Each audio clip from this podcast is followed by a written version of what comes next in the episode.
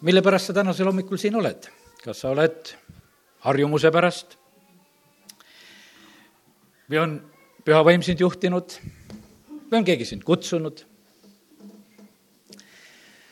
see on natuke kaval küsimus, mille ma praegusel hetkel küsin. teate, väga hea on ka, kui sa oled harjumuse pärast. see on väga ja väga hea, kui sa oled harjumuse pärast. ei ole vähem hea, kui püha vaim on sind juhtinud, et sa oled tulnud. Absoluutselt mitte. Need üks ei tööta üksteisele vastu. ja sellepärast, kallid, olgu meie eludes häid harjumusi ja üks nendest olgu see, et kui on pühapäev käes, et kõik teaksid, kus sa oled.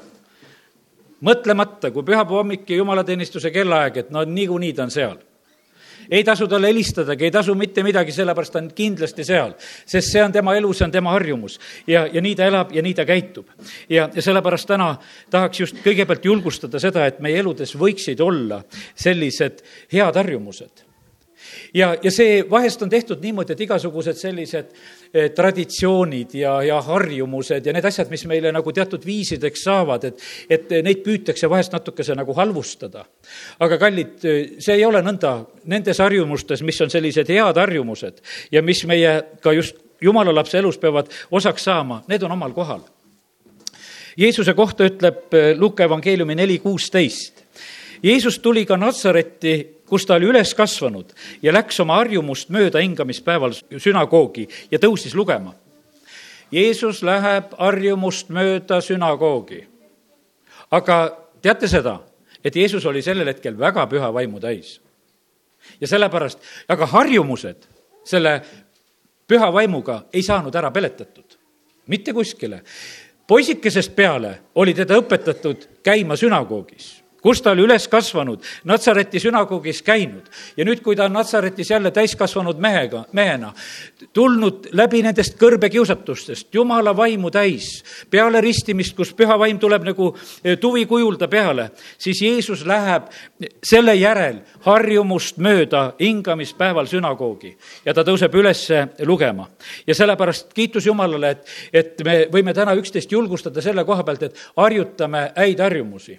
Öeldakse seda, seda, et kakskümmend üks päeva läheb ühe hea harjumuse kujundamiseks. vaata, jumala kojas me nüüd järjest kahtekümmend ühte päeva naljalt käime meil on ikka niimoodi, et, et see, võib-olla see nädala sees paar korda, aga üldiselt on niimoodi, et meie eludes teadlased ütlevad seda, et kakskümmend üks päeva on selline aeg, see kolm nädalat, mis tegelikult kujundab meie elus ühe uue harjumuse, kui me seda võtame kätte ja tahame seda teha. ja, ja sellepärast aidaku meid Jumal, et, et me saaksime head harjumused oma eludesse aga kuidas on halbade harjumustega? ma täna nendest nagu eriti rääkima ei taha jääda, ma usun, et, et me oskaksime neid halbasid harjumusi loetleda ja rääkida ka. ja, ja ega nende halbade harjumustega ei ole vahest lihtne, ega ei ole vahest isegi päris lihtne nendest kohe lahti saada. aga julgustan sind täna ka selle koha pealt, et, et harjumusi saab muuta ja, ja võib võtta kätte neid otsuseid ja, ja me ei pea mitte mõtlema nii, et ah, et ei saa mina, vaid just tunnista enda kohta, et mina saan ja jumal aitab ja, ja asjad muutuvad meie eludes ja, ja sellepärast ka hingamispäeva pidamine, nädala sees ka rääkisin sellest, et on üks õnnistatud ja hea asi, kui me seda teeme, see on üks rütm. kuus päeva teed tööd, üks päev hingad. Ja, ja see on sul jumala teenimiseks, kus sa otsid teda teise ajaraamatu kolmekümne kuuenda peatüki kahekümne esimene salm ütleb nõnda, et läheks täide issanda sõna eh, Jeremiia suust kuni maa oli hüvitanud oma pidamata jäetud hingamispäevad, kõik laastatud oleku päevad olid hingamiseks, kuni seitsekümmend aastat sai täis. meie oleme täna siin Jumala kojas ja teate, Jumal tegelikult paneb seda tähele. Ta paneb seda tähele, kas me peame seda päeva või ei pea kui need päevad on pidamata, siis prohvet Jeremiia räägib seda, ütleb seda, et e, see sõna on issanda sõna, mis tuleb Jeremiia suust. ja ta ütleb seda, et, et see laastatud oleku aeg on selleks, et pidamata jäetud hingamispäevad saaksid peetud. Need laastatud oleku päevad olid hingamiseks, kuni seitsekümmend aastat sai täis. ja, ja sellepärast Jumal tegelikult loeb kõiki asju, nii nagu me oleme rääkinud nendest asjadest, Jumal loeb meie juuksekarvu, ilma tema teadmata ei lange, Jumal paneb tähele meie sõnu, see Jumala arvepidamine on ääretult suur. ja, ja meile võib tunduda, et milleks see kõik aga jumal teab, milleks see kõik, sest ta armastab meid pea ja laest jalad allani. ja sellepärast me oleme talle täielikult armsad ja sellepärast ta tegelikult on täie sellise hoolitsusega tegelikult jälgimas ja, ja vaatamas. tema silmad jälgivad kogu maad, et võimsasti aidata neid kes siira südamega e, toetuvad tema peale. ja ma usun sedasi, et, et üks osa sellest siirast toetumisest ongi see väljendus, et, et me armastame Jumalat, me armastame Jumala rahvast, me armastame osadust, me tuleme, käime koos, et me ei loobu nendest asjadest. mis siis, et isegi kui need asjad on kilomeetrite tagant ja, ja praegusel hetkel on just nõnda siin ka, et tegelikult paljud inimesed tulevad paljude kilomeetrite tagant, võtavad selle teekonna ette. ja sellepärast ole sina eriti õnnistatud, kui sa seda pead kaugemalt veel tegema. Sest et Jumal tegelikult paneb seda kõike tähele, sest tema loeb neid asju kokku ja, ja tema käest tulevad õnnistused. ma teen nüüd lahti veel selle eh, teise ajaraamatu lõpu ja lihtsalt võiksime vaadata neid asju, millele jumala sõna juhib tähelepanu, siin on eh, mõningad sellised olulised asjad. ja mis eh, jumala sõna siis ütleb, juudid viiakse Paabelisse vangi see on tegelikult eh, selle patuselu tulemus, jumala kartmatuse tulemus, mis siin eh, on eelnevalt kirj-, kirjeldatud ka ja need asjad, mis eh, Sitki ajal olid ja need asjad tegelikult läksid niimoodi, nagu ka prohvet oli rääkinud. ja ma loen siit seitsmeteistkümnendast salmist edasi, siis kolmekümne kuues peatükk teisest ajaraamatust siis ta tõi nende kallale kaldialaste kuninga ja see tappis mõõgaga nende noored mehed ja nende pühas paigas, aga ei andnud armu poisile ega tüdrukule, vanale ega raugale.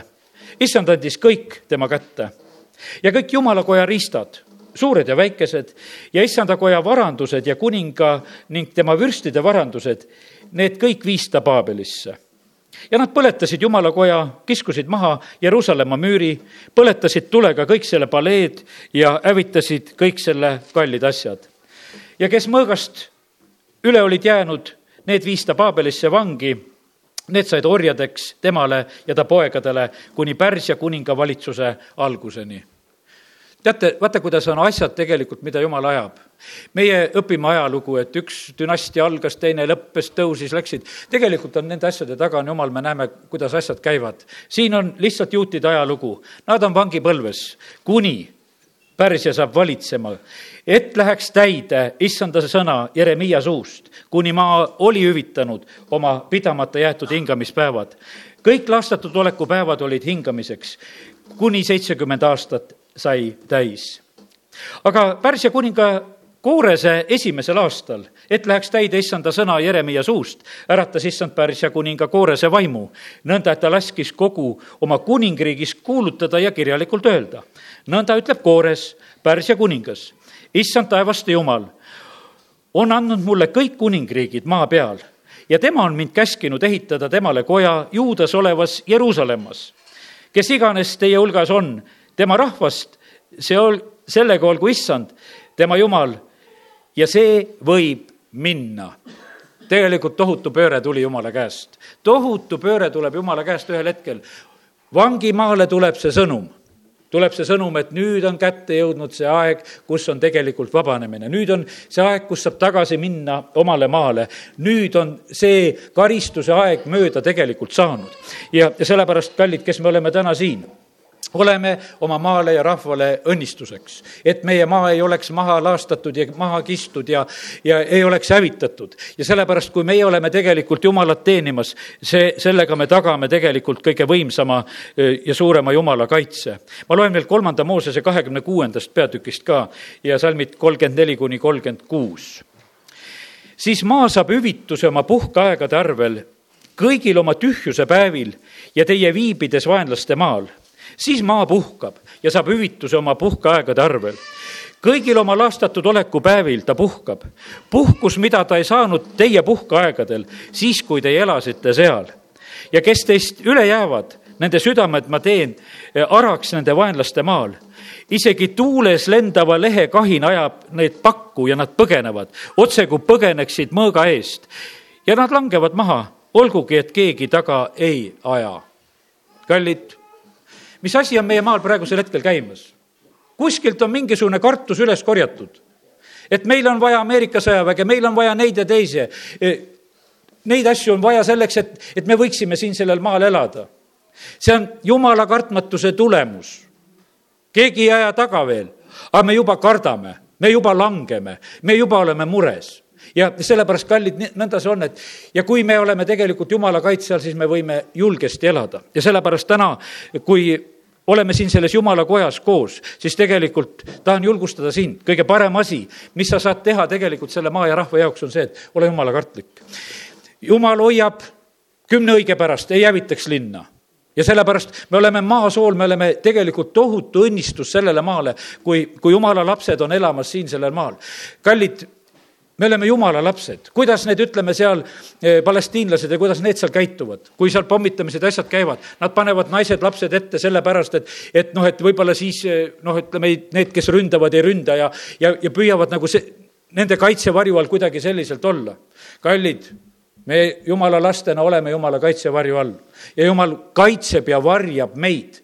Ja sellepärast tema näeb, kus, kus meie oleme elamas, kus meie oleme asumas ja sellepärast kiitus Jumalale, et, et me võime olla Jumala lapsed ja, ja sellepärast oleme julgelt seda ja, ja usaldame Jumalat ja tema sõna. maa, millest ma olen siin mitu korda praegusel hetkel ütelnud, see on programmeeritud Jumala sõna järgi. maa püsib Jumala sõna alusel. täna, et ta ei kõigu meie all, see püsib Jumala sõna alusel seal, kus ta kõigub, seal on jumal seda lubanud kõikuda. seal, kus ebajumalad peavad kukkuma, seal nad juba kukuvad. aga täna on veel meie maal see olukord, et jumal lubab, ütleb, et las seal veel püsib. seal me veel ei kõiguta, seal me veel ei lõhu, seal, seal peab veel olema armuaeg, et inimesed saaksid otsida. ja sellepärast maa on alistatud jumala sõnale ja ta on nõnda programmeeritud. me ei jää selle juurde pikemalt peatuma, tegelikult maa on tugev tunnusmärk sellest, millist eluviisi tegelikult üks maa ja rahvas elab. ja sellepärast aidaku meid, Jumal, et me suhtuksime õieti ja teeksime neid asju, mis on õiged ja head nüüd Luuka evangeeliumist võtan järgmise kirjakoha ja see on Luuka kakskümmend kaks, kolmkümmend üheksa ja nelikümmend. Jeesus läks välja ja tuli harjumuspäraselt Õlimäele ja jüngrid järgnesid talle. ja kui ta sinna paika jõudis, siis ta ütles neile, palvetage, et ei satuks kiusatusse. see lugu on siis Ketsemani aiast Jeesus läheb Ketsemani aeda palvetama, see oli harjumuspärane palvetamise koht. ja nüüd on niimoodi, et juhtub see, et sellel korral, millest on siin räägitud, võetakse Jeesus kinni ja vangistatakse. kas see oli tööõnnetus, et nii läks? Jeesus, kas sa ei teadnud, et oleks võinud kuskile mujale minema palvetama täna, et Juudas ju ka läks kuskile luusima ja, ja et igaks juhuks oleksime võinud paiga ära vahetada meie võime, näed, käia siin vabalt jumalateenistusi pidamas ja käime juba aastakümneid kuskil, me kogudus on kuskil aastast kuuskümmend, tuleb ikka siiasamma kohta kokku. ja ei pea kuskile mujale ära ennast peitma või kuhugi mujale minema, võime tulla siia. Hiinas, meie õed ja vennad peavad oma jumalateenistusi päeva ajal, hakkavad hommikul, hakkavad hommikul vara pihta, õhtu kella kuueni eh, saavad pidada, sellepärast et pärast seda on selline aeg, kui inimesed tulevad töölt. Eh, siis, siis on juba niimoodi, et naabrid võivad ära anda, et kuule, et seal laulavad ja palvetavad ja, ja kutsuvad võimud peale siis nad põgenevad, lähevad, otsivad teisi kohta, kus saavad olla, sest valdavalt on need kogudused seal kõik põrandaalused ja, ja sellepärast on nende olukord lihtsalt selline. ja sellepärast siin on samamoodi, et, et Jeesus läheb oma harjumuspärasesse kohta oma jüngritega ja ta sellel korral vahistatakse. aga see ei olnud mitte mingisugune tööõnnetus selles mõttes, et, et ta, ta ei osanud nagu seda ette näha, vaid jumala plaanid täitusid. Jeesus ütleb Johannese kümme, viisteist kuni seal kaheksateist on need mõtted. nõnda nagu isa tunneb mind ja mina tunnen isa ning annan oma elu lammaste eest. seitseteist salm ütleb, isa armastab mind seepärast, et ma annan oma elu, et seda jälle tagasi võtta kui, kuid keegi ei võta seda minult, vaid mina ise annan selle omal tahtel. minul on meelevald seda anda ja minul on meelevald seda jälle võtta. selle käsu olen ma saanud oma isalt. nii et see, mis Jeesusega juhtus, palvetades seal selles oma harjunud paigas ei olnud ka mitte mingisugune õnnetus, vaid jumala plaanid läksid täide ja Jeesus ei, ei põgenenud tegelikult eh, nende eest. ja ta tegelikult seal Ketsemane aias sai selle kinnituse see karikas tuleb ära juua ja ta läheb julgelt tegelikult oma kinnivõtjatele vastu. ta tõuseb ju nii võimsalt, kui ta tõuseb sealt palvest ja läheb, ta kinnivõtjad kukuvad maha. selline halenaljakas lugu et põhimõtteliselt on niimoodi, et see, keda kinni võetakse, aitab kinnivõtjaid. ütleb, et mina olen siin, parandab seal Peetruse löödud kõrva, vaatab, et nendel kinnivõtjatel kõik enam-vähem läheks hästi ja annab ennast tegelikult kinni võtta sellisel moel. sellepärast, et see tee tuli tal käia ja seda ta käis tegelikult meie kõikide eest ta läks karistust kandma, meie kõikide patukaristust. kiitus Jumalale, et see on kantud ja sellepärast meie võime olla sellest karistusest vabad meie usuisal olid väga head harjumused. meie usuisa Abraham oli see, kes ehitas altareid ja hüüdis appi Jumala nime. jumal rääkis altarite juures nii, kui me seda loeme, me näeme, kus Jumal teda kõnetas, seal olid ohvri toomised. ja sellepärast, kallid, meil on õppida sellest ja sellepärast aidaku meid Jumal, et meil oleks need head harjumused meie vaimulikus elus, et me teeksime kõiki neid asju. kiidame, ülistame Jumalat. see on meie kiituse ohver, toome rahalisi ohvreid, teeme neid asju, peame hingamispäeva. Jumal ootab meie käest kõiki neid asju, et need asjad oleksid meie eludes õigel kohal. Hebra kiri mis on kirjutatud esimesel sajandil enne suurt tagakiusu. ta ütleb seda, et ärgem jätke unarusse oma koguduse kooskäimist, see on Hebra kümme kakskümmend viis nõnda nagu mõnel on kombeks, vaid julgustagem selleks üksteist, seda enam, mida rohkem te näete seda päeva lähenevat. milles oli küsimus? küsimus oli selles, kui Hebra kirja kirjutati, seda rahvast valmistati selleks, et varsti tuleb väga suur tagakius, mis keiser Neero ajal tuli ja sellepärast see julgustus ei olnud lihtsalt niisama, et kuulge, et, et noh, olge julged. et eh, kui muud teha ei ole, et olge julged. tegelikult seda julgust läks järgmisel hetkel väga vaja.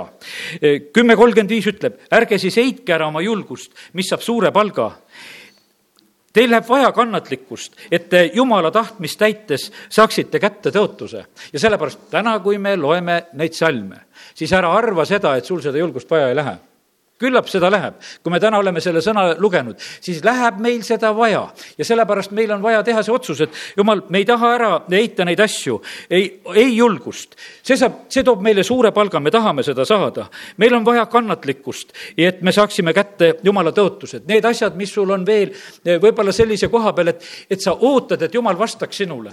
see võib olla see, kus jumal vaatab sinu armastust ja kannatlikkust eh, vend John Ramirez, kelle tunnistused kodulehele panin ülesse, ta ütles, et peale päästmisele tulekut on kuu aega selline aeg, kus ta on väga tegelikult kuradi kiusata ta on kuradi kiusata sõna otseses mõttes, ütles, et kurat tuleb tuppa ja magab voodis ta kõrval ka, sest ta oli tohutu kuradi teener ennem. ja kui ta nüüd oli ära pöördunud Jeesuse poole, siis tegelikult oli niimoodi, et, et ta elab tegelikult teatud sellises ehmatuses ja piinas ja hiljem, kui see kuu aega saab mööda, siis ta küsib ju tegelikult Jeesuse käest, et aga miks?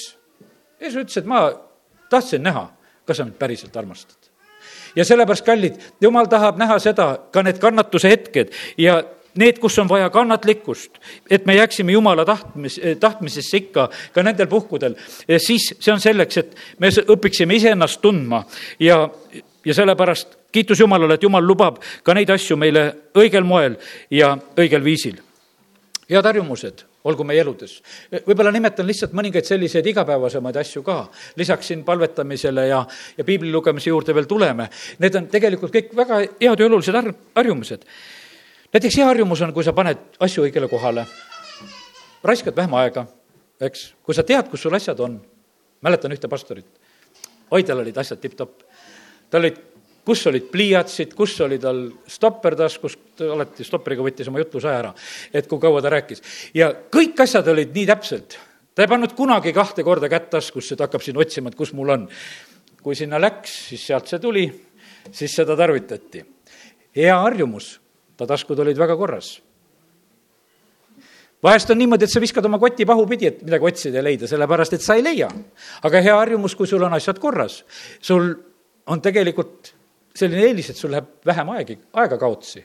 sest et kui palju tegelikult me raiskame selle halva harjumuse tõttu, et me ei tea, kus on võti, et meil on asjad kadunud, et, et on sokid kadunud, et mis värgid on kõik, eks, et me raiskame tegelikult nii tühjadele asjadele tegelikult aega. aga harjutad selle hea harjumuse kakskümmend üks päeva ja on palju elu lihtsam jälle, eks. ja, ja sellepärast täna hea harjumus on see, kui me noh, ütleme, et kui me saame tööharjumuse, ka seda tuleb harjutada seda tuleb lihtsalt harjutada, ma mäletan, et üks minu sõjaväekaaslane, kellega, üks Eesti poiss, kellega koos olime, ta ütles lausa välja, tead, ma vihkan tööd.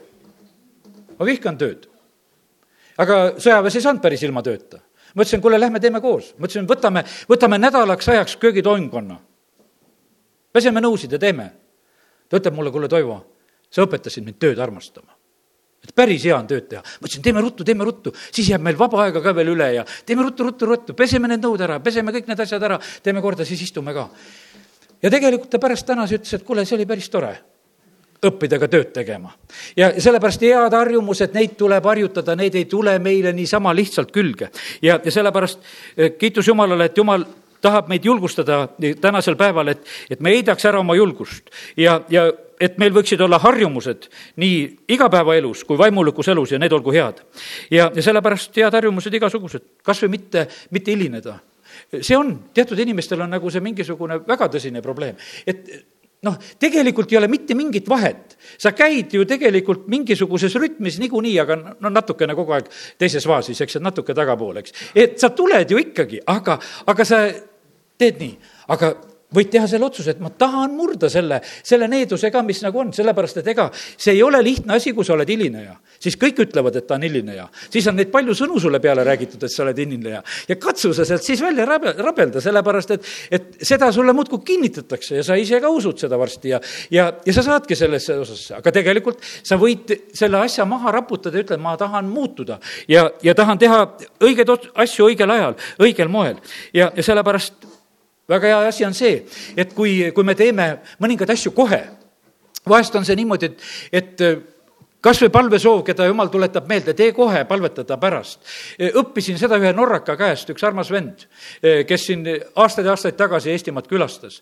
me vahest rääkisime, kuule, et palvesoov oleks vaja palvetada. ta hakkas kohe palvetama see oli alati niimoodi, et kui juba mingi palvesoovi ütlesid, siis oli teada, et kohe tuli palve. et sest ütles, milleks me siis edasi lükkame, kui sa juba rääkisid, et on vaja palvetada, no siis palvetamegi. ja sellepärast, ja nii sageli me tegelikult unustame nii paljusid asju ära, sellepärast et me mõtleme, et me teeme neid asju hiljem. ja siis oli palju muid asju, me unustasime ja sellepärast harjuta endale neid häid harjumusi, et eh, need võiksid sind lihtsalt aidata. Need on lihtsalt õnnistuseks, need kaitsevad sind, need, need aitavad sind ja, ja sellepärast eh, kiitus Jumalale. aga pühavaimu juhtimine, tulen korraks selle juurde, ma nagu panin selle küsimuse tänasel hommikul üles, et kumba järgi tulid, et nüüd nendele ka, kes vaimust juhitult tulid. kes ei tulnud harjumusest. Siimon tuli ka ühel päeval. ta tuli, see on Lukka kaks kakskümmend seitse, ta tuli vaimu ajal pühakotta ja kui vanemad tõid sinna lapse Jeesuse, et toimida temaga seaduse järgi, siis on Siimon seal kohal. seal on tegelikult üks niisugune lugu. poisslapsi lõigati ümber kaheksandal päeval. ja kes siis saab seda ütelda, et see peab juhtuma hingamispäevale? ja sellepärast oli nüüd, see kohtumine oli vaja korraldada kindlasti pühal vaimul. ja sellepärast ma ütlen täna, et korja need mõlemad asjad ülesse head harjumused juhtigu sind. ja, ja kui sul on head harjumused ja kui sa oled nende järgi to-, elamas ja, ja toimimas, tegelikult siis Jumal võib oma vaimu läbi sind korrigeerida ka vahest. ja, ja tegelikult vaata, kui sul, kui sa oled oma sellises eh, tavalises rahus, siis sa oled tegelikult palju kättesaadavam ka püha vaimule. kui sa oled närvis, kui sa oled väga mures siis sa nagu ei suuda kuulata. ma ikka mäletan, et kui ma koguduse tööd võib-olla algasin, siis oli mul niimoodi, et, et äh, palju rohkem nagu muretsesin võib-olla kõige selle pärast, et kuidas jumalateenistusi korraldada, kuidas neid läbi viia. ja siis ma õppisin ühe asja ära sedasi, et, et kui ma tegin endale jaoks ühe niisuguse kava, et kuidas see toimub, kui ma olin selle nagu valmis saanud, siis mulle tuli nagu üks teatud rahu, et mul on midagi nagu olemas. ja pärast seda sai tegelikult Jumal korrigeerida ja rääkida, et tee seda ja tee seda ja tee seda. sellepärast, et ennem olin mina väga pingsalt asja lahendamas. aga kui mina olin, minul on nagu valmis, siis oli Jumalal ka aeg öelda, et noh, need asjad on tegelikult ka vaja.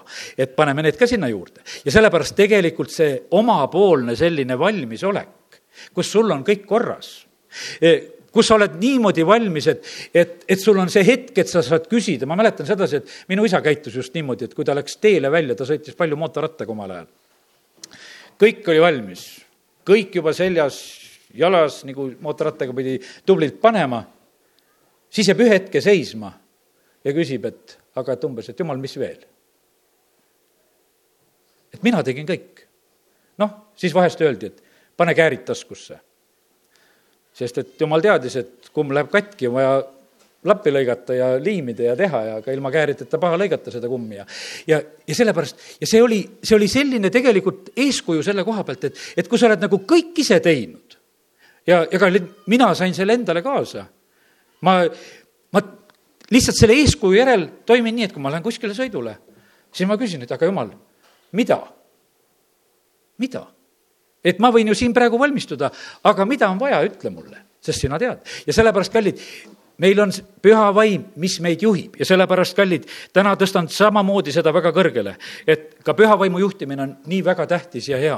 ja sellepärast siin võib olla täna nii ühte kui teist. et sa oled juhitud, et sa tänasel päeval oled siin, et sina kindlasti kuuleksid seda sõna ja sellepärast ole õnnistatud, aga siin on need, kes on tulnud harjumust mööda ja kui see harjumust mööda päev on käes, siis tegelikult need harjunud päevade koosolekud ei ole, ei pea olema sellised harjunud koosolekud, et kuule, et niisugune täna oli niisugune tavaline koosolek, ei, siis võib olla nii, et, et ingel tuleb taevast ja kinnitab sind. sest et kui Jeesus on harjumuspäraselt palvetamas Ketsemani aias, tegelikult ta on seal raskel tunnil, ingel tuleb ja kinnitab teda. ta kaaslased, jüngrid, need jäävad magama Eh, need ajavad asja teistmoodi pisut, aga Jeesus palvetab, ingel tuleb ja kinnitab ja sellepärast, kallid täna, kui me oleme issanda ees, siis tegelikult Jumal meid ei jäta ja ta tuleb. ja sellepärast eh, Jeesuse elus oli tegelikult väga suur harjumus, oli palvetada. Luuka evangeelium, ma ei tea, miks evangelist Luukas Jeesuse palve järel luuras. ma ei tea, kes sinu palve järgi luurab. aga, aga Luukas luuras Jeesuse palvet sest et talle, talle tegelikult oli nagu oluline kirja panna need asjad, kus Jeesus ja kuidas palvetas. teistes evangeeliumites see niigi välja ei tule. Üks usklik mees, kes töötas ühes asutuses, teine noorem usklik mees töötas seal samamoodi. ja see oli juba nõukogude ajal. see usklik mees läheb sööma, see noorem passib sealt kõrvalt, et noh, ei tea, kas palvetab ka enne sööki või ei palu, tead. kontrollis ära ja sellepärast me palvetamisi ka kontrollitakse ka inimeste poolt. ja sellepärast Lukas paistab olema, ta oli ainukene pagan ka, kes, kes on evangeeliumi kirjutanud ja tema valvas neid asju ka. ja Luuka kolm kakskümmend üks, eh, ta toob välja selle, ta ütleb, et Jeesuse ristimisest, ent see sündis, kui kogu rahvast ristiti ja kui ka Jeesus oli ristitud, siis Jeesus peale ristimist palvetas. ei öeldud, et ta kuivatas, vaid ta palvetas ja taevas avanes peale ristimist ta palvetab, taevas avaneb. kiitus Jumalale. ja siis tuleb püha vaim tuvikujudla peale ja jääb. Luuka viis kuusteist ütleb, temal oli aga viisiks minna tühja paika ja seal palvetada. Jeesusel oli viisiks minna tühja paika ja seal palvetada meil on niimoodi, et meie peres on üks selline koht umbes seitsekümmend kilomeetrit eh, Tallinnast, on üks väikene silikaadist alajaam. see oli selline puhkamise ja palvetamise koht, kus minu isa, sest noh, mootorrattaga sõitsid, siis läksid, sõitsid teki taha ja viskasid vahepeal pikali ja natuke puhkasid, et ja, ja siis sõitsid jälle edasi. ja, ja see oli see koht, kus peatuti ja palvetati ja puhati pisut. ja see on jäänud nii meel, meelde, et alati, kui ma sõidan sellest mööda jumal on seda alajaama ka püsti hoidnud ja, ja pole keegi seda sealt ära koristanud ja see on ikka seal olemas. ja, ja kui sealt mööda sõidad, siis vaatad, et see oli just see koht, kus sai peatatud ja kus sai palvetatud ja sai edasi sõidetud. nüüd räägivad juba minu pojad seda oma peredes seda, et see on see palvekoht, kui siit sõidetakse mööda. see, see jääb see jääb midagi. ja sellepärast oli niimoodi, et, et need harjunud paigad, kus Jeesus käis palvetamaks, need tühjad paisad, paigad, kus tal oli viisiks minna, kus tal oli harjumus palvetada, neid märgitakse lihtsalt ära. Luuka kuus kaksteist, kui Jeesus valib kahteteist apostlit, aga neil päevil sündis, et Jeesus läks mäele palvetama ja veetis kogu öö Jumalat paludes ja tal oli järgmine päev vaja teha see otsus, et, et need kaksteist välja valida, kes oleksid tema jüngrid, kes järgiksid teda. ja ta ei tee seda mitte teisiti, vaid ta veetis kogu öö Jumalat paludes, et saada selgusele, et leida need apostlid üles, kes peavad olema need, keda ta õpetab järgnevatel aastatel. Luuka üheksa kaheksateist, Peetrus tunnistab Jeesuse messiaks ja, ja tegelikult on see üks selline hetk, üks selline eriline hetk, Jeesus valib välja kolm oma kõige lähemat jüngrit ja läheb mäele paiga, palvetama. ja seal on see kirgastamine, muutmine ja kallid, me oleme Jeesuse järgijad ja sellepärast täna ka, kui me oleme harjumust mööda tulnud Karja tänavale siia palvetama, oleme kokku tulnud, siis see võib olla see meie kirgastamise, austamise hetk. sellepärast, et mis keelab taeval sellel hetkel meile läheneda, mitte miski. ja sellepärast Jumal näeb seda, eh, me oleme tulnud ja sellepärast on see, et põhimõtteliselt on see niimoodi ka, et, et eh, me kunagi ju ei tea, eh, millal on need erilised hetked ja sellepärast, kui jumala rahvas on koos, siis tegelikult ole alati nagu valvel, et mis jumal sul on anda, et ma sellest mitte ilma, ilma ei jääks. no seal tegelikult juhtub nii, et, et jüngrid jäid jälle seal ju magama. Jeesusel on vahepeal need vägevad hetked ja, ja siis, kui unest ärgatakse teate, kui koguduses unest ärkad, siis ütle halleluuja.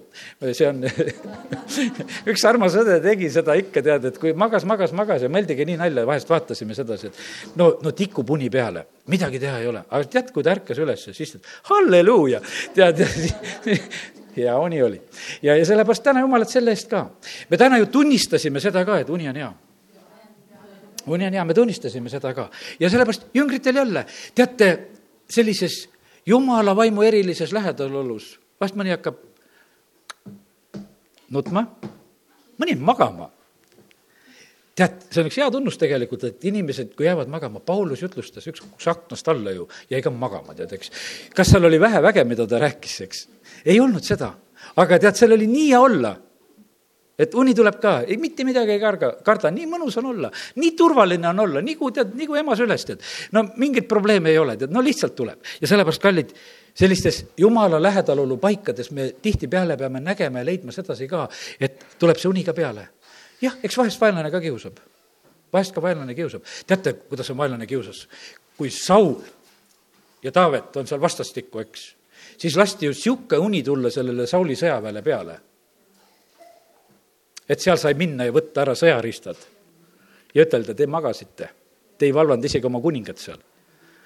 Taavet sai näidata, ütelda, vaadake, siin on, siin on oda, siin on kruus. me võtsime lihtsalt ära ja, ja sellepärast on see magamisega on ka selline hetk, et ega ei tohi olla niimoodi ka magamas, et, et vaenlane saab meid paljaks varastada. ja sellepärast jumala sõna julgustab meid, et me oleksime ka, ka valvel.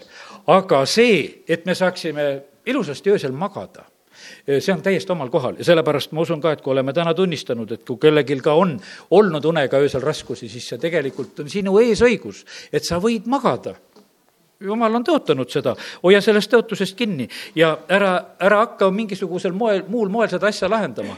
ja sellepärast, et need maailma lahendused ei ole head. Nende tablettide söömise ja asjaga ei ole mõtet raha raisata, vaid tunnista Jumala sõna ja, ja maga väga hästi nii et Jeesus kirgastati, lähed palvetama ja, ja seal teda kirgastatakse. ja ühel päeval tegelikult Jeesuse jüngrid ütlevad Jeesusele ka, et, et äh, kui nad on ühes paigas palvetamas, see on Luuka üksteist üks, siis on öeldud, et Jeesus oli ühes paigas palvetamas ja kohe, kui ta oli lõpetanud, ütles ka mm, ta üks jüngreid talle, issand, õpeta meidki palvetama, nõnda nagu Johannes õpetas oma, oma jüngreid. Ja siis me teame, et seal tuleb see meie isa palveõpetus ja sellepärast me palvetada võime tegelikult väga, väga erinevat moodi. vastav Dmitri toob ühe näite, kunagi ütles, et et noh, et erinevate selliste usklikega koos seal tehti tööd ja, ja siis oli niimoodi, et et kõhud tühjad noored mehed, et ühel oli väga pikk söögipalve, et ta palvetas kõigi, kõige maailma eest ja kõige selle eest ja teise eest ja tead, ütles, et meil sai juba vahepeal laud tühjaks, sest me ütlesime, et kiitus Jumalale ja õnnista seda ja hakkasime sööma kähku, aga teisel oli väga pikk palve terve maailm ära õnnistada. ja ütles, et vahest on selle pika palve koht, et kõht jääb tühjaks, et teised sõid ära vahepeal juba asjad. ja, ja sellepärast me tuleb tegelikult õppida palvetama, et kus, kus on vaja seda teha kogu öö. aga kus me peame lihtsalt ütlema välja need usussõnad ja, ja kohe tegutsema ja, ja, ja sellepärast ärgu olgu ka meie palve kunagi eh, kiusav. et ära, ära kiusa kunagi teist palvega ära, ärgu olgu sellist, see on vahest selline noh, ütleme, see on niisugune teatud hea moodus on nagu eriti ka jumala rahva hulgas vahest ka palvega teist kiusata, et, et sa saad nagu teisega paika panna, et hakkame palvetama, et siis teisel ei ole enam nagu midagi ütelda, et see on nii püha asi, et peab tegema. ei tohi neid asju tarvetada e, sellisel moel. Jeesus palvetas ja ta tegelikult, kui jüngrid ta käest küsisid, et kuidas seda teha, siis ta õpetas. ja, sellepärast kiitus Jumalale. Jeesus palvetas kannatuste eel Ketsemanis aga Jeesus palvetas ka ristil. igal pool palvetas.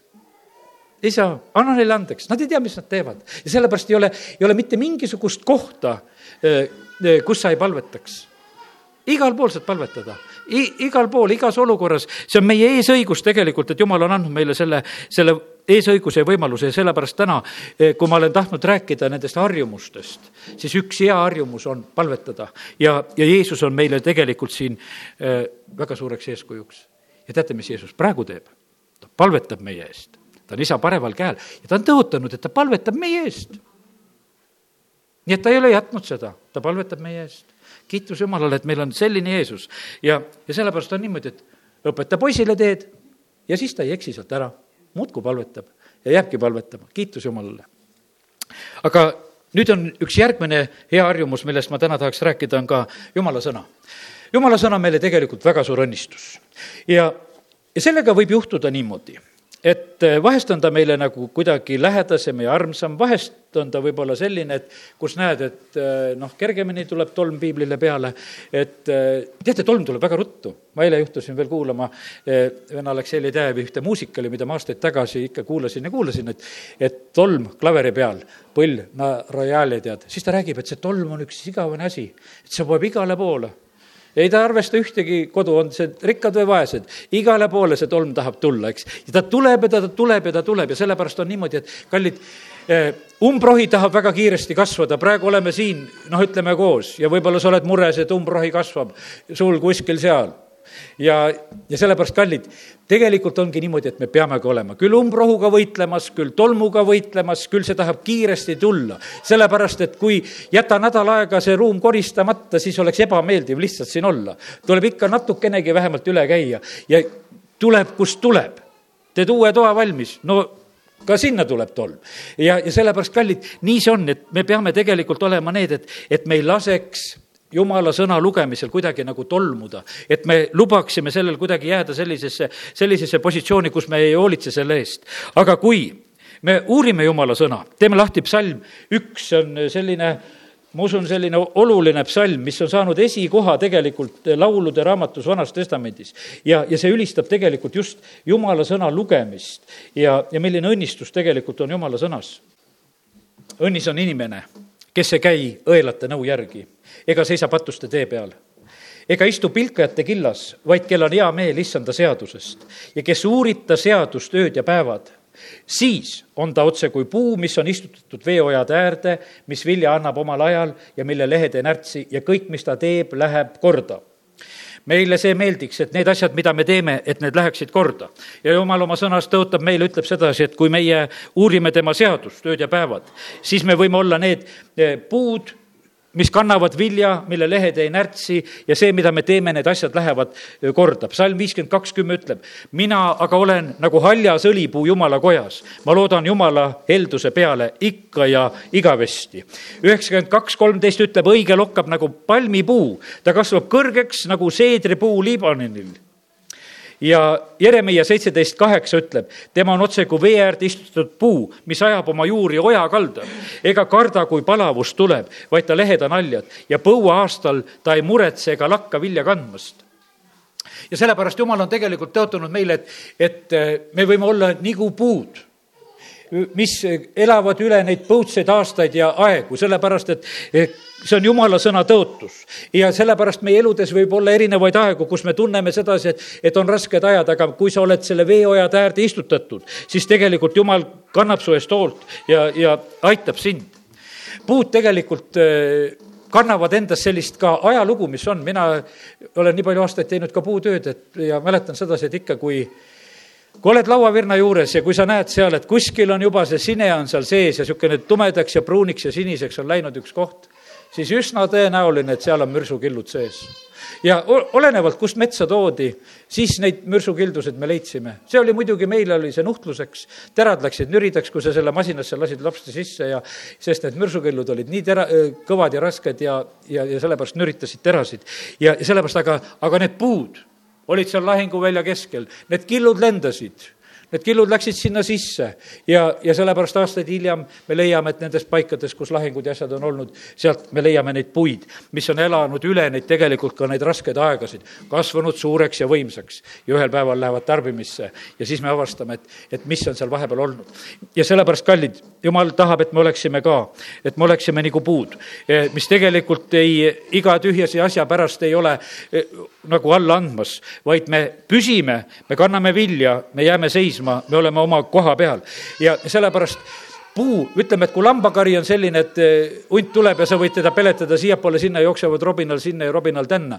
aga siis puu on selline, et vaata, ta, ta seisab ühes kohas see tamm, tuled siia, ta on ikka siin katuse juures, ikka siinsamas koha peal, eks, et noh, et ta seisab siin ja ta ei, ta ei liigu siit kuskile ja me, keegi juba lõpuks ei tea, kui kaua ta on siin seisnud, eks. ja sellepärast, et ta on siin seisnud ja ta püsib ja ta seisab ja sellepärast, kallid, jumal tahab, et me oleksime ka eh, sellised puud. tegime piiblikooli. Eh, ma usun seda, et nendel asjadel on tulemused purustame oma eludes needusi, nendel asjadel on tulemused. ja meil on õigus oodata seda, et need asjad toovad meie ellu tulemusi, sest jumala sõna ütleb, et kui sa uurid, siis sa oled seda, siis on sul kordaminek ja sellepärast, kallid, meil on eesõigus, et me võime oodata tegelikult ka selle tõttu, kui me oleme seda teinud. ja sellepärast kiitus Jumalale, et, et Jumal on nii hea. jumala kartus on, see on tegelikult väga suur tuluallikas kes teenib ja kes ei teeni, jumal teeb vahe vahele ja sellepärast tasub Jumalat teenida.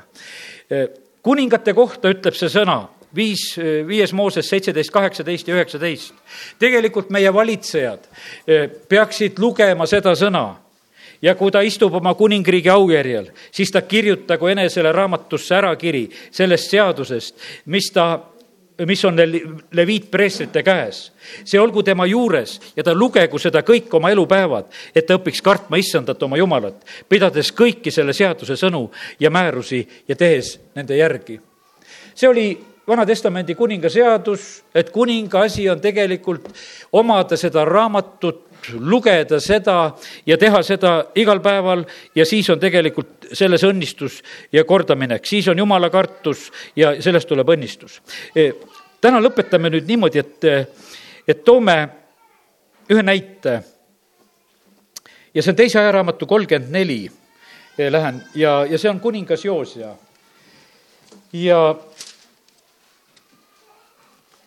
ja ta on, ta on tegelikult noor mees kui ta kuningaks saab. ta on kaheksa aastane, kui ta saab kuningaks. ja, ja siis on niimoodi, et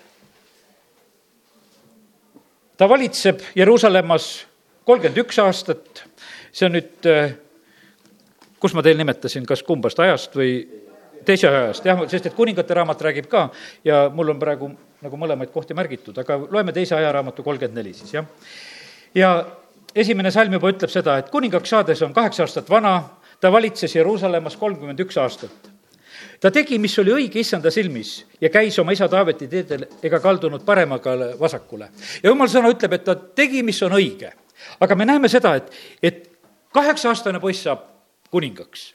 siis oma valitsemise kaheksandal aastal, kolmas salm ütleb, kuigi ta oli alles noor, hakkas ta otsima oma isa Taaveti jumalat oled kaheksa-aastane, kuueteistaastaselt hakkad otsima oma isa Taaveti jumalat. ta oleks kaheksa aastat juba riiki valitsenud ja kuule, tundis, et kuule, et siin oleks nagu tarkust ja abi vaja. mul oleks jumala abi vaja, ma ei saa, ma ei saa sellega päris nii. ja ta hakkab otsima ja, ja mis ta hakkab tegema? ja kaheteistkümnendal aastal hakkas ta puhastama Juudat ja Jeruusalemma ohvriküngastest, viljakustulpadest, nikerdatud ja valatud kujudest. siis ta on kakskümmend ja siis ta paneb täiega. sellepärast, et oli nagu üks selline aeg, mõtle oma usuelu peale samamoodi ka, et, et kui sa oled juba, saad päästetud, lähevad aastad, siis teatud aastate pärast võiks olla nagu selline juba täitsa tegutsemine käes, kus sa kus hakkad juba midagi tegema, siin me näeme sedasi, et, et tegelikult läksid aastad ja ta hakkab eh, väga otsima oma isa Taaveti jumalat ja, ja siis ta hakkab maha kiskuma kõiki neid ebajumala altareid. neljas salm ütleb, tema juuresolekul kisti maha paali, paalide altarid. ta lõi katki kõik suitsutusaltarid, mis olid ülal nende peal, ta purustas viljakustulbad ning nikerdatud ja valatud kujud pihustas ja puistas need nende haudade peale, kes neile olid ohverdanud. ja ta põletas preestrite luud nende altarite peal, nõnda ta puhat-, puhastas Juuda ja Jeruusalemma. Ja siin me võime lugeda siin veel, näed, seitsmes salm ütleb sedasi, kiskus maha altarid, lõi pihuks ja põrmuks viljakustulbad ja nikerdatud kujud, raius katki suitsutusaltarid kogu Iisraeli maal. ja siis ta läks tagasi Jeruusalemma. ja me näeme seda, et et see oli tema elus tegelikult üks selline periood. ja teate, mis sellel ajal veel oli? tal puudus jumala sõna. tal puudus seaduseraamat. asi oli olnud tegelikult väga karm. Seal oli selline eelnev aeg. Manasse, kes oli valitsenud, Manasse oli väga jumalakartmatu juuda kuningas ja ta valitses viiskümmend viis aastat ja kui Manasse tegusid lugeda, ta tassis templisse ebajumala teenistuse täitsa kohale asera kujud ja, ja kui seda lugeda, see, mida tegelikult ütleme, et me ei mõista seda joos ja usupuhastust muidu, kui me ei näe seda, et, et millise jama järel ta tuleb viiskümmend viis aastat, pluss veel seal oli, kaks aastat oli eh, juuda kuningas Aamon, kes oli siis see Manasse poeg, oli kaks aastat, nii et viiskümmend seitse aastat oli tegelikult niisugust õudsat pimedust, mis oli valitsenud enne Joosia võimule tulekut. ja nüüd on niimoodi, et kui tema tuleb võimule, siis on niimoodi, et alguses on noore poisina, siis ta hakkab otsima Jumalat, siis ta leiab, kuule, et valed asjad on siin püsti, ta hakkab neid hävitama, kõrvaldama. Ja siis ütleb, et kuule, Jumala koda on vaja kohendada. ja kui ta hakkab Jumala koda korda tegema ja see on kolmkümmend neli kaheksa, kus on öeldud seda, kohenda issand oma jumala koda. ja siis hakkab tegelikult see asi, et rahad on kokku kogutud. Ja, ja preestrid ja leviidid ja kes siis selle rahaasjadega seal kamandasid, nad hakkavad tegelikult seda raha töölistele andma, et osta neid asju, mis on templi remondiks vaja ja teha. ja siis on niimoodi, et nad leiavad sealt raamatu Nad leidsid raamatu, nad leidsid seaduse raamatu ja, ja siis Ilkia, viisteist salm, võttis sõna ning ütles eh, kirjutaja Saafanile, ma leidsin issanda kojast seaduse raamatu. see on ikka vägev värk. jumala kojas oli seaduse raamat. noh, need paalikujud ja värgid ja need olid. ja siis leiti, et kuule, piibel ka on. tead, ma võtan täna sõna, meil on isegi piibel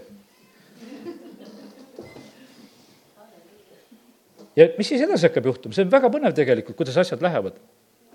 siis on niimoodi, et see Saafon võttis ja viis raamatu kuningale ja räägib, et kuidas tööd lähevad ja siis ütleb sedasi ka, et, et kuule, et, et meil on raamat ka leitud ja siis ta hakkab tegelikult kuninga kuuldes seda raamatut lugema, üheksateist salm ütleb. ja kui kuningas kuulis seaduse sõnu, siis ta käristas oma riided lõhki.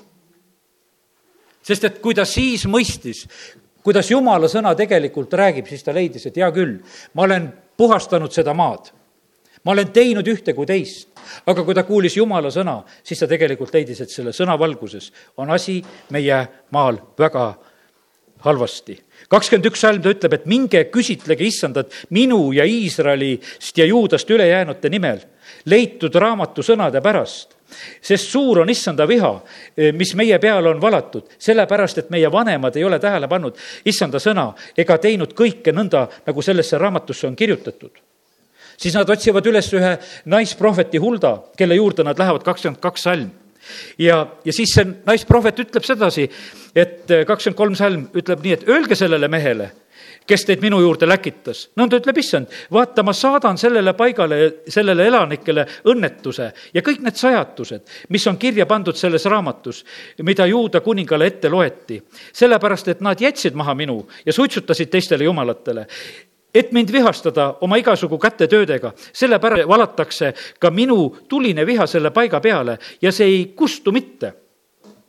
aga juuda kuningale, kes teid läkitas issandat küsitlema, öelge nõnda, nõnda ütleb issand Iisraeli jumal, sõnadest, mis sa oled kuulnud, et su süda pehmenes ja et sa alandasid ennast Jumala ees.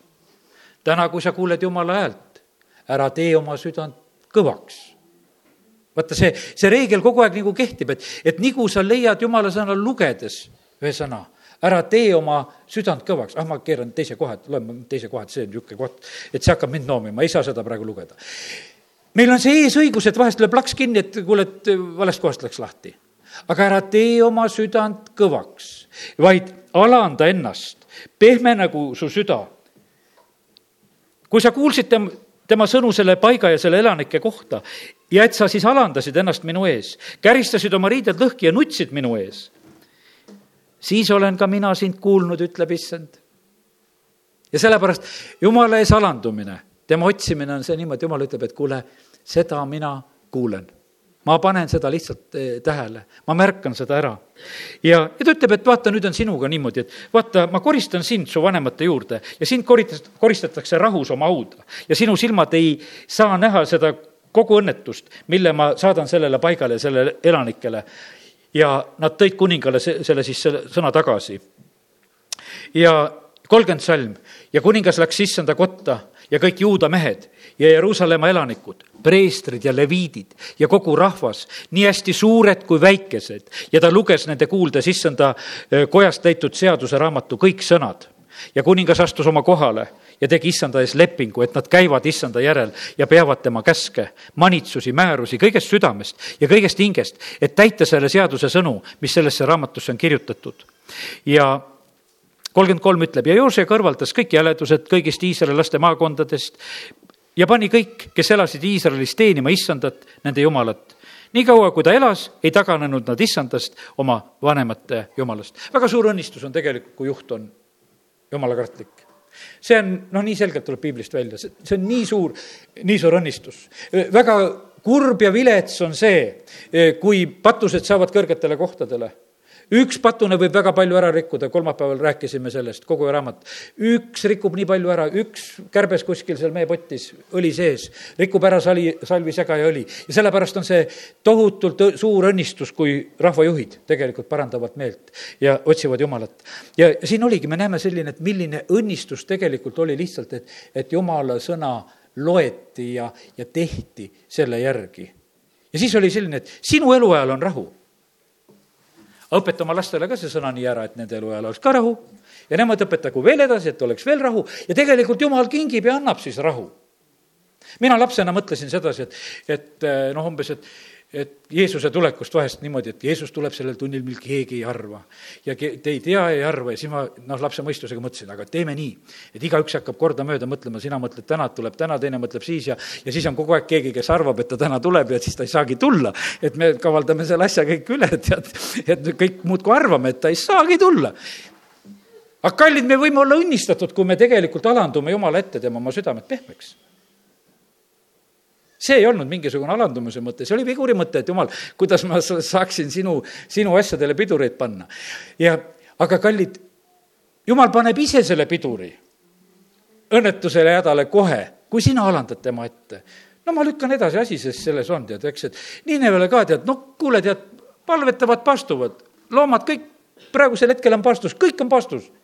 no ei tule õnnetust jääb ära see häving. ja sellepärast jumal paneb tegelikult seda väga-väga tähele ja sellepärast väga, väga suureks õnnistuseks ja heaks harjumuseks on tegelikult meile ka, ka jumala sõna.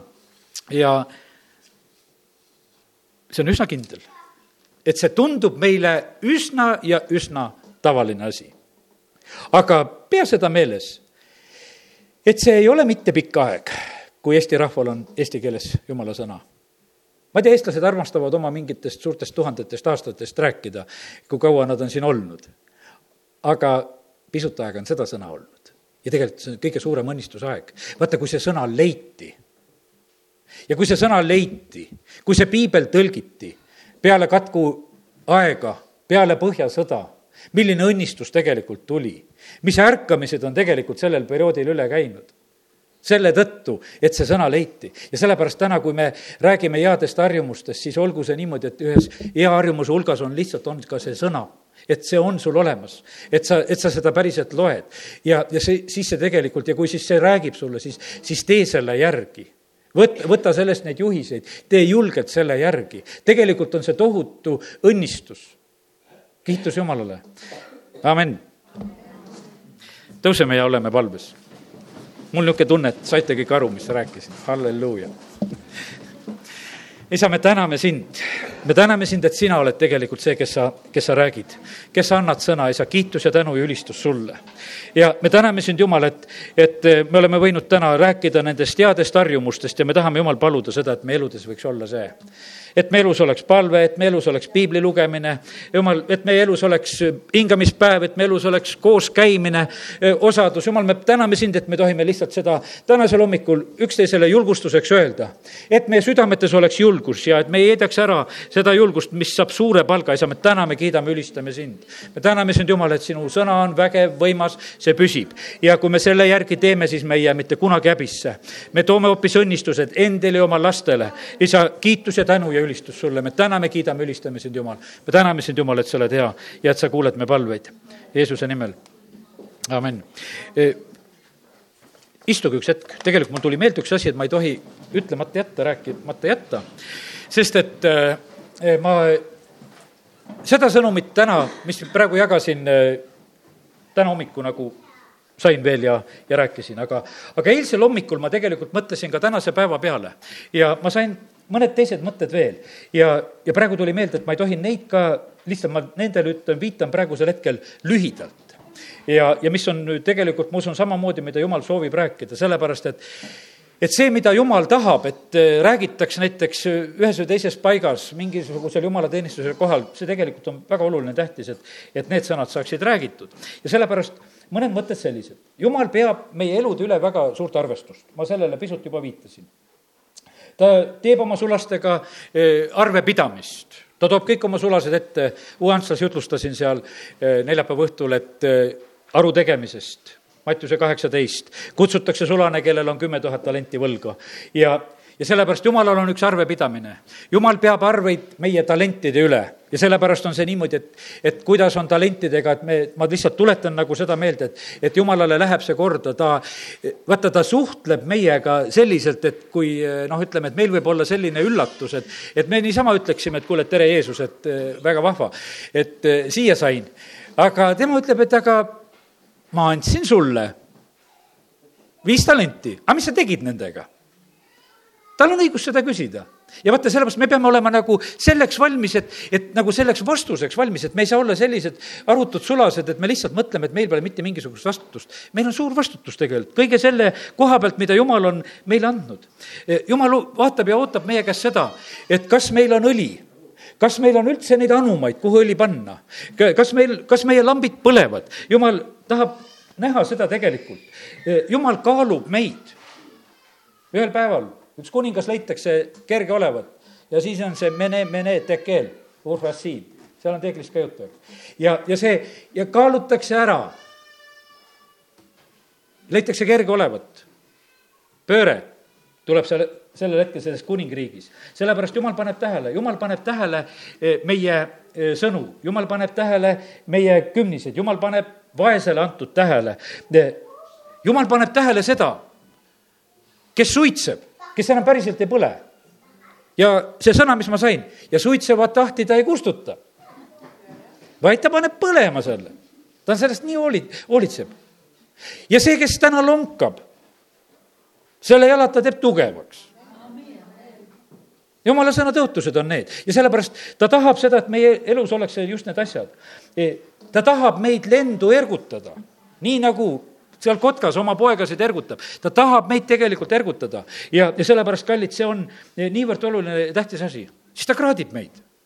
kuidas sul palavikuga on, oled külm või kuum? kraadib meid ära.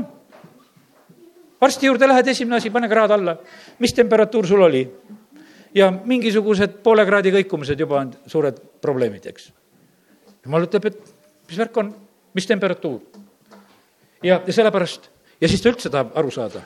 ma lugesin neid ilmutuse raamatu kirju. kas sa oled elus või oled sa surnud? sa võid tegutseda küll. ja ta ütleb, et aga et kurt sa oled surnud. ja sellepärast kogudustel olid ikkagi väga rasked sõnad. ma tean küll su tegutsemist ja värki, aga sul on mõned need veel, kes on elus. ja, ja sellepärast ja nende nimesid ei kustutata eluraamatust, seepärast on väga tähtis olla elus ja, ja eluga kaasas ja edasi minna ja sellepärast ja siis sain need ilmutuse raamatu kirjad Efesuse kogudusele on need teod ja asjad, mille eest Jumal kiidab ja vaev ja kannatlikkus, milles ta on, et ta ei salli kurja. ja, ja ta avastas äh, need valed apostlid ja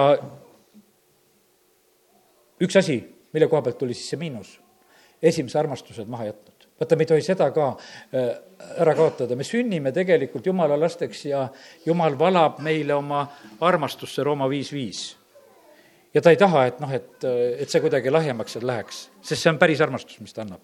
ta annab selle jumaliku armastuse agape. see on püha vaimu läbi valatud meie südametes ja sellepärast siis me suudame armastada kõiki ja kõike.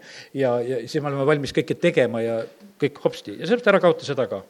ja, ja sellepärast on see nii, et Smürna kogudusele ta ütleb, need ise arvavad sedasi, et nad on vaesed ja viletsad, aga ta ütleb, et tegelikult on see sinu rikkus.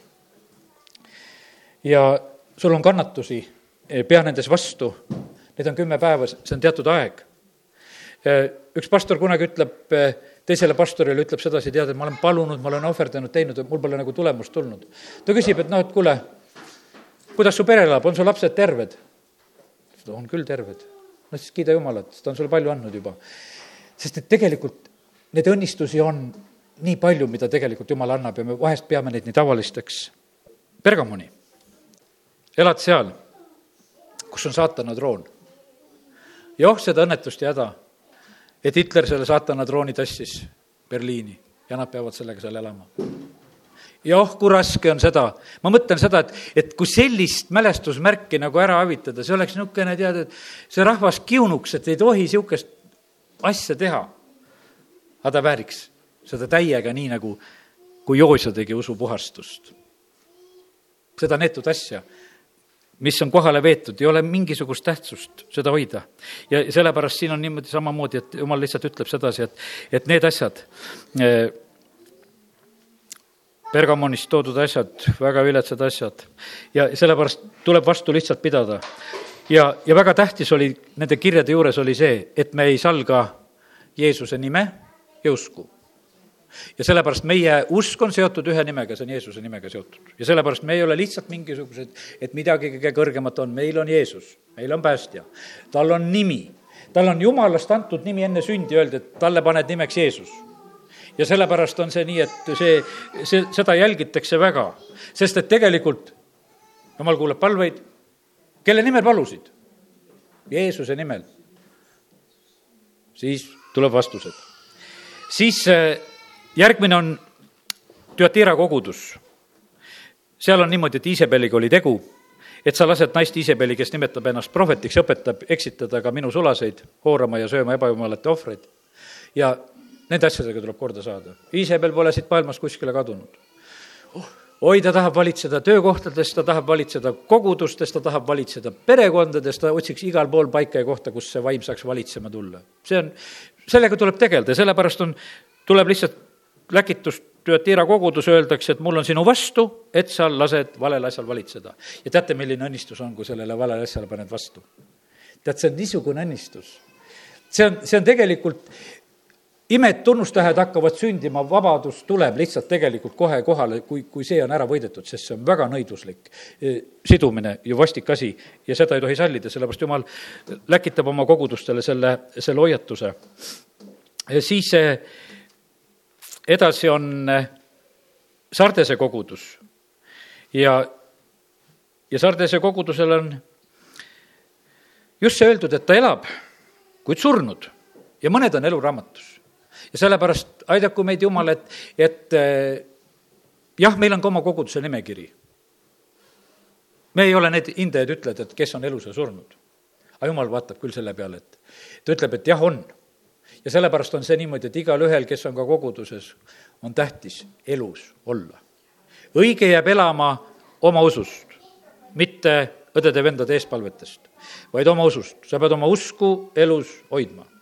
Õige pääseb ainult selle kaudu, sellepärast on niimoodi, et, et eh, ükski kogudus ei päästa sind ära. ei, ei saa seda ütelda, et olin selles või teises koguduses, õige omast usust jääb elama. ja sellepärast aidaku meid Jumal, et me seda teeksime, kes seal veel on? siis on Philadelphia, väga niisugune armas kogudus. ja Philadelphia kogudusel on öeldud seda, et su jõud on vähene, aga avatakse uksi ja kui tema avab, siis neid ei lukustata. Ma tean, et su jõud on vähene, aga, aga tegelikult võimalused on suured tegelikult koos issandaga. ja seal julgustatakse, et, et peame olema kannatlikud. ja ka nendes katsumustes, mis on selle maa peale tulemas. ja Laudekia kogudus võib-olla kõige rohkem võib-olla jutlustatud ja räägitud, see külma-kuuma lugu ja leigi olemine väga ohtlik. ja, ja seal oli see samasugune lugu, et nad tundsid ennast väga rikkana. ja tegelikult issand otsus oli, et see puhta vaesust teil osta minu käest silmasalvi ja, ja osta seda usukulda ja sellepärast, et ja osta need valged riided ja tegelikult kõike on nagu seda vaja. ja sellepärast me igaüks kogudusena ja igaüks üksikult tegelikult vastutame selle eest, et mida me teeme. kas me niisama askeldame ja, ja leiame, et oi, meil on nii, nii palju tegemisi, et me teeme igasugu värke ja, ja kuukavad ja asjad võivad välja lennata, et jumal, vaata neid, et kõik, mis me ära teeme, tead, eks. jumal tahab näha seda, et meis oleks elu, et me armastaksime teda, et, et me vihkaksime, mida tema vihkab, armastaksime, mida tema armastab. vot jumal on pannud meile tegelikult julgelt niisugused tunded ülesse. kiitus Jumalale. amin